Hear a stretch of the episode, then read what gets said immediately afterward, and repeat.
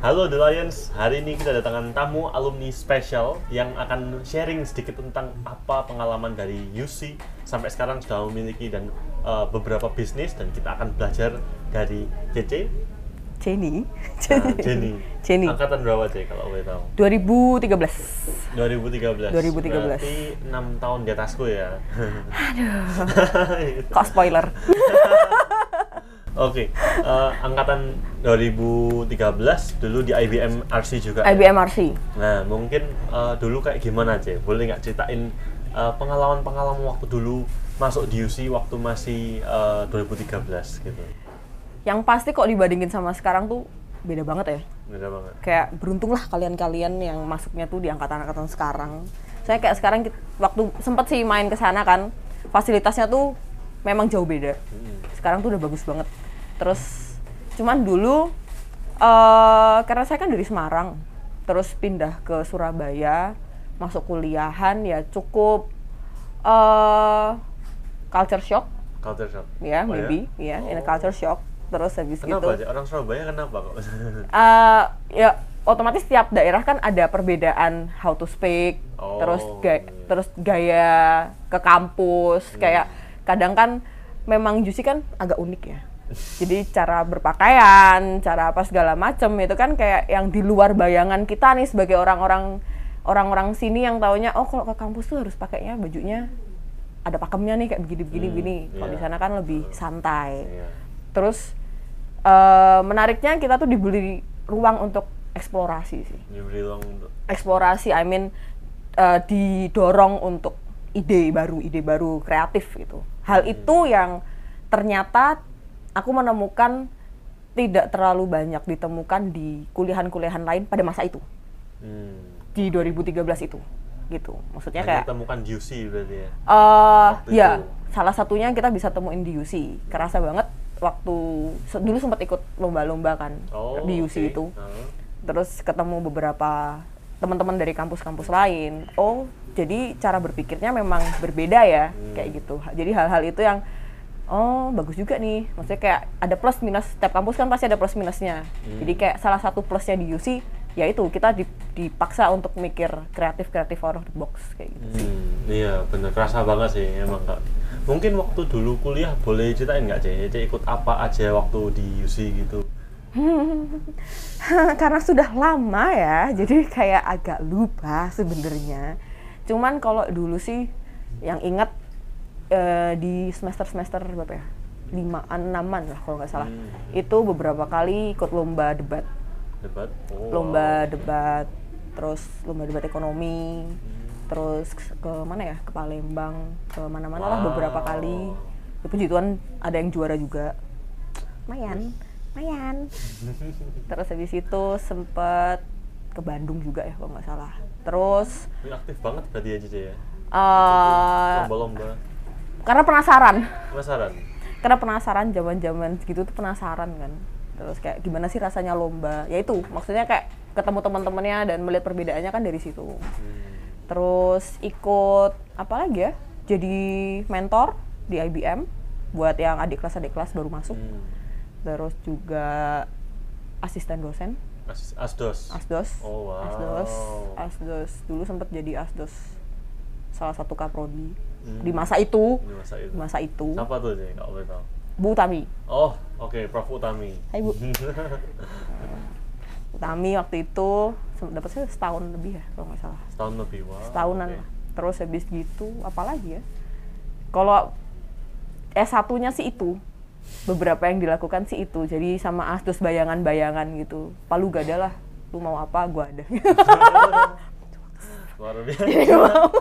Jadi maunya apa gitu bisa dibantu ya bantu. Oh, wow. Berarti dulu nih di sini nih aktif banget gitu ya di UC ya. Kebetulan aktif karena tinggalnya di apartemen belakang. Apartemen belakang. Jadi kan dekat kampus. Hmm. Gitu. Oke. Berarti eh, waktu itu ikut lomba-lomba, terus aktif di eh, Asdos dan lain-lain. Ikut organisasi nggak dulu? Organisasi kebetulan nggak boleh sama orang Oh tua. nggak boleh. Jadi Oh. kayak aku ikut beberapa hal aja tuh diem-diem. terus udah tergan- terlanjur nyemplung baru ngomong gitu Hmm. jadi sebenarnya dulu pengen sih kayak ikut hima Hmm. pengen kayak ikut apa namanya eh owik kayak gitu-gitu Iya. cuman memang ada beberapa hal yang mengharuskan aku untuk beberapa kali pulang ke Semarang jadi takutnya hal-hal itu tuh nggak bisa ditinggal gitu Oh, malah tabrakan ya nanti. malah tabrakan takutnya gimana gimana terus waktunya habis untuk itu jadi kayak ya udah cari jalur yang lain yaitu lomba Hmm. yaitu asdos kayak gitu tapi nggak Oh. ngomong Oh, lomba juga. Apa? Oh, soalnya pergi-pergi ya kalau lomba boleh Oh, lomba boleh. kalau lomba boleh Oh, soalnya berprestasi gitu ya. yang ya, karena piala. karena dari kecil memang suka lomba Oh. jadi kalau lomba boleh boleh nggak apa-apa berangkat gitu Oh, enak ya. enak ya enak Nah, enak memang memang enak Apalagi kalau menang gitu dapat uang juga ya. ya dapat uang jajan Nah, kalau di UC kan kita eh, dari dulu ya, sampai sekarang. Itu kita kan selalu ada mata kuliah entrepreneur. Yes. Yang kita membuat suatu bisnis dan atau kalau ada yang uh, lanjutkan family business juga lanjut family business. Nah, boleh nggak ceritain Cici? Dulu Cici itu lanjut family business atau startup atau gimana? kalau dulu sangat idealis ya. Maksudnya zaman zaman itu tuh masih idealis banget gitu. Masih kayak aku harus sukses di umur sekian gitu. Gitu. Eh, aku harus sukses anak muda tuh harus sukses sebelum 30 Hmm. susah saudara-saudara setelah menjalaninya. Maksudnya kayak ya dulu sempat mikir kayak ya harus punya bisnis sendiri harus punya ini sendiri. Jadi kayak lebih milih jalur apa namanya eh entrepreneur. Maksudnya Hmm. bikin bisnis baru. Oke. nggak nggak yang apa family business family business gitu. Oh, gitu. Jadi waktu itu ya udah kan memang ada ada mata kuliahnya kan. Betul. bikin grup sendiri terus habis itu pilih partner sendiri terus itu sendiri. Ya udah ikut begitu sih. Dulu bikin apa nih kalau boleh tahu? Dan dulu belajar apa dari situ? dulu bikin tas Oh, produksi tas, Oh, oke. produksi tas. Eh, jadi ceritanya tuh kita satu grup anak dari luar kota semua.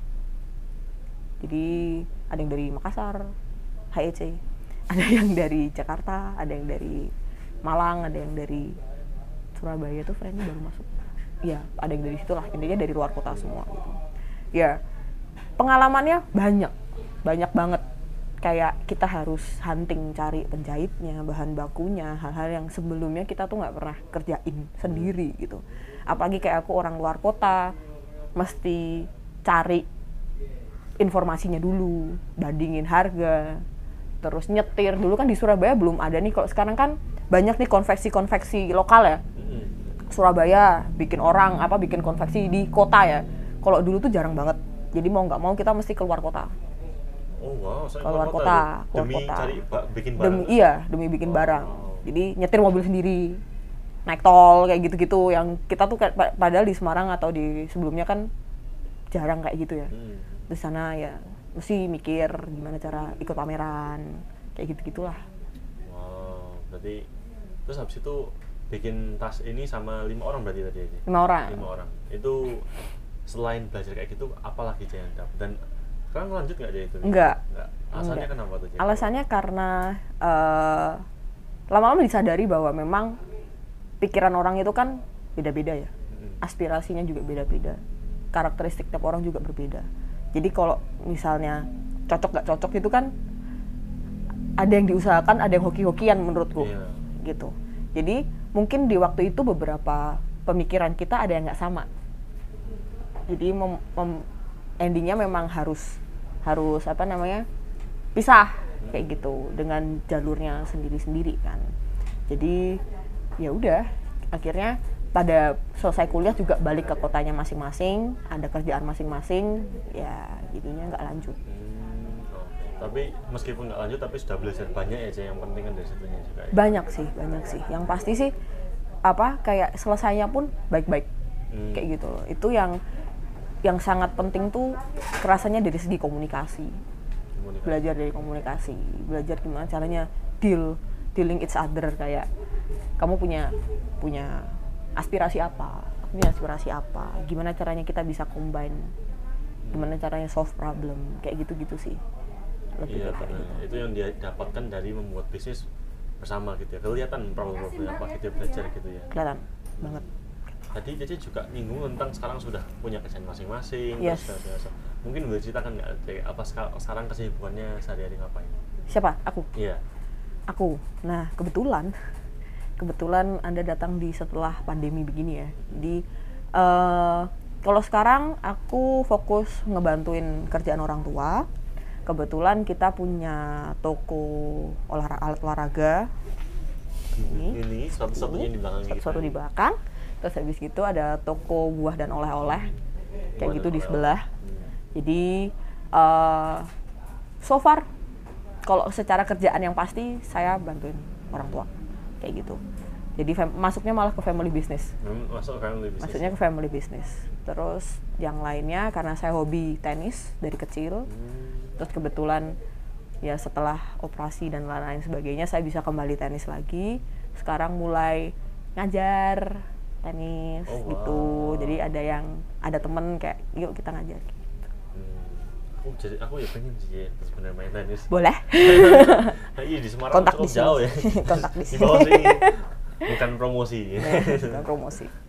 Oke, menarik. Misalnya suatu hari ke Surabaya main-main. Oh, siap. Oke, menarik banget sih. Em, am- kalau sudah bekerja gini pasti kan kelihatan ya tadi Cici juga bilang ternyata nggak segampang itu juga ya Hmm. Yes. punya punya bisnis. Nah, itu eh, kira-kira Cici kan sedang mengalami nih bisnis ke dunia pekerjaan setelah kuliah. Eh, mungkin apa yang Cici rasakan yang mungkin ada di dalam UC dan dipakai dan apa yang nggak ada yang diajarkan yang mungkin Cici bisa bagikan ke kita supaya kita bisa siap-siap nih dalam tanda kutip. Ah banyak, Banyak. banyak. Boleh sih minta beberapa Jadi kayak gitu. sebenarnya yang eh, ini highlightnya tuh sebenarnya kayak life tuh full of surprises itu kayak surprise gitu. Jadi kayak misalnya baik yang good and bad gitu. Jadi kadang yang kita bayangin yang kita harapkan ekspektasi itu kan nggak nggak bisa selalu mulus nggak bisa selalu kayak gitu terus gitu. Kayak misalnya ada kadang beberapa hal di luar pekerjaan kita sendiri yang itu bisa mempengaruhi kita contoh tiba-tiba sakit. Sakit yang butuh treatment lama tiba-tiba ada orang tua sakit tiba-tiba ada ini itu ini itu ini itu yang kita tuh nggak pernah diajarin di kampus hmm.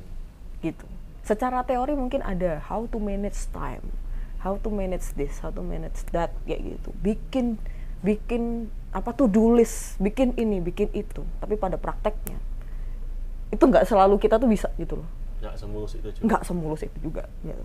nggak sekuat itu juga kita secara physically and mentally Hmm. Contoh misal kamu lagi lagi bisnis rame rame rame tiba-tiba ke pandemi. Kamu udah nyetok barang banyak contoh ya. Kamu udah nyetok barang banyak kamu udah aku udah planning tiga bulan ke depan akan promosi ini promosi ini dan lain-lain sebagainya. Tiba-tiba pandemi yang bener-bener krek kamu nggak tahu kapan itu ber- berakhir. Itu kan surprise salah satu surprise juga. Diajarin nggak di kampus?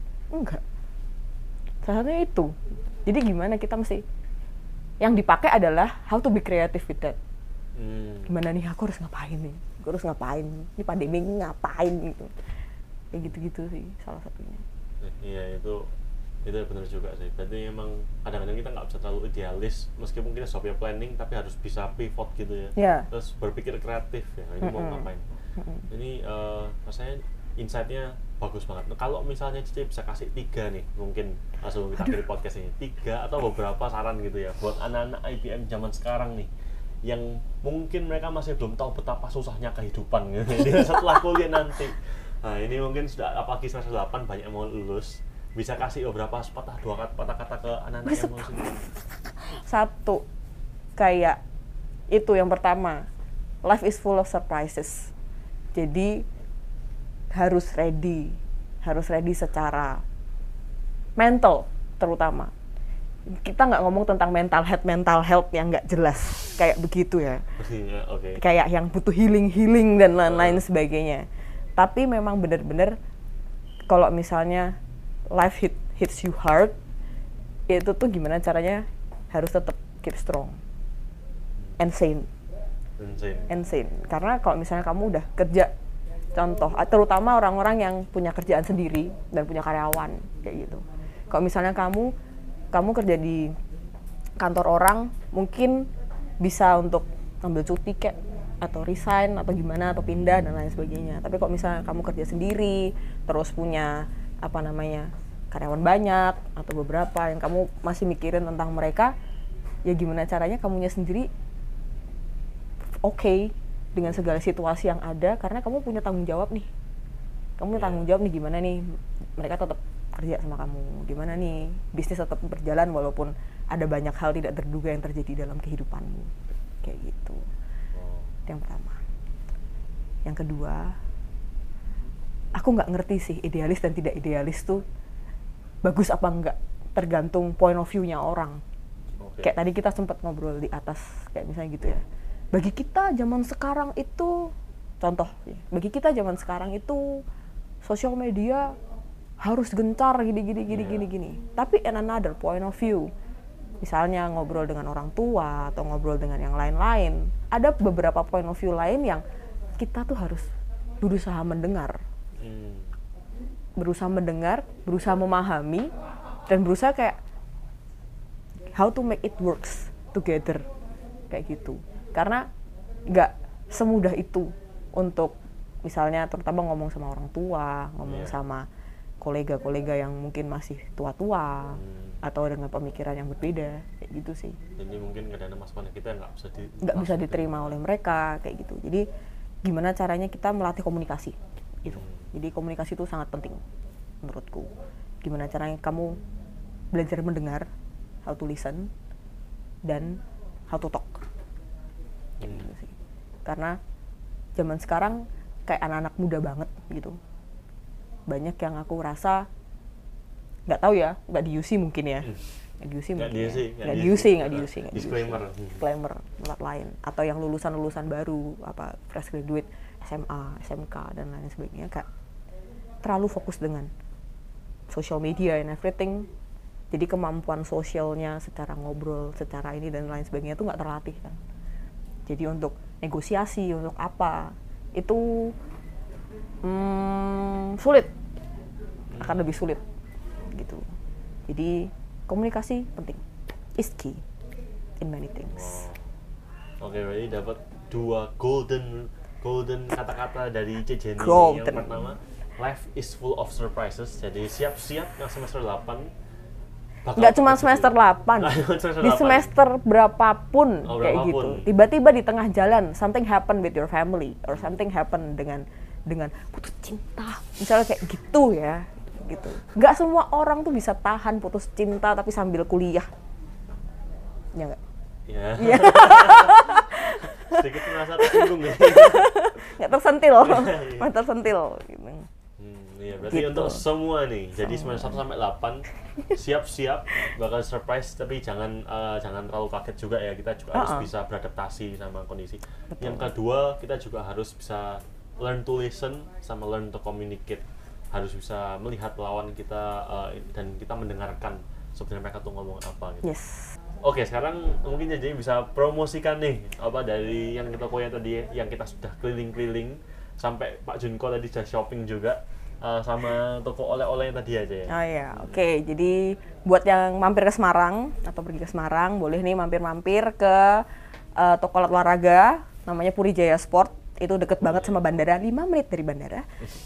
Bisa cek di at eh, Instagram at sahabat.purijayasport.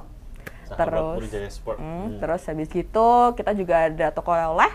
Jadi buat yang mau jajan-jajan enak-enak bisa mampir. Mantap. Di mana aja tempatnya? Sama di Sama? gedung yang sama Di di, dekat bandara. 5 menit dari bandara.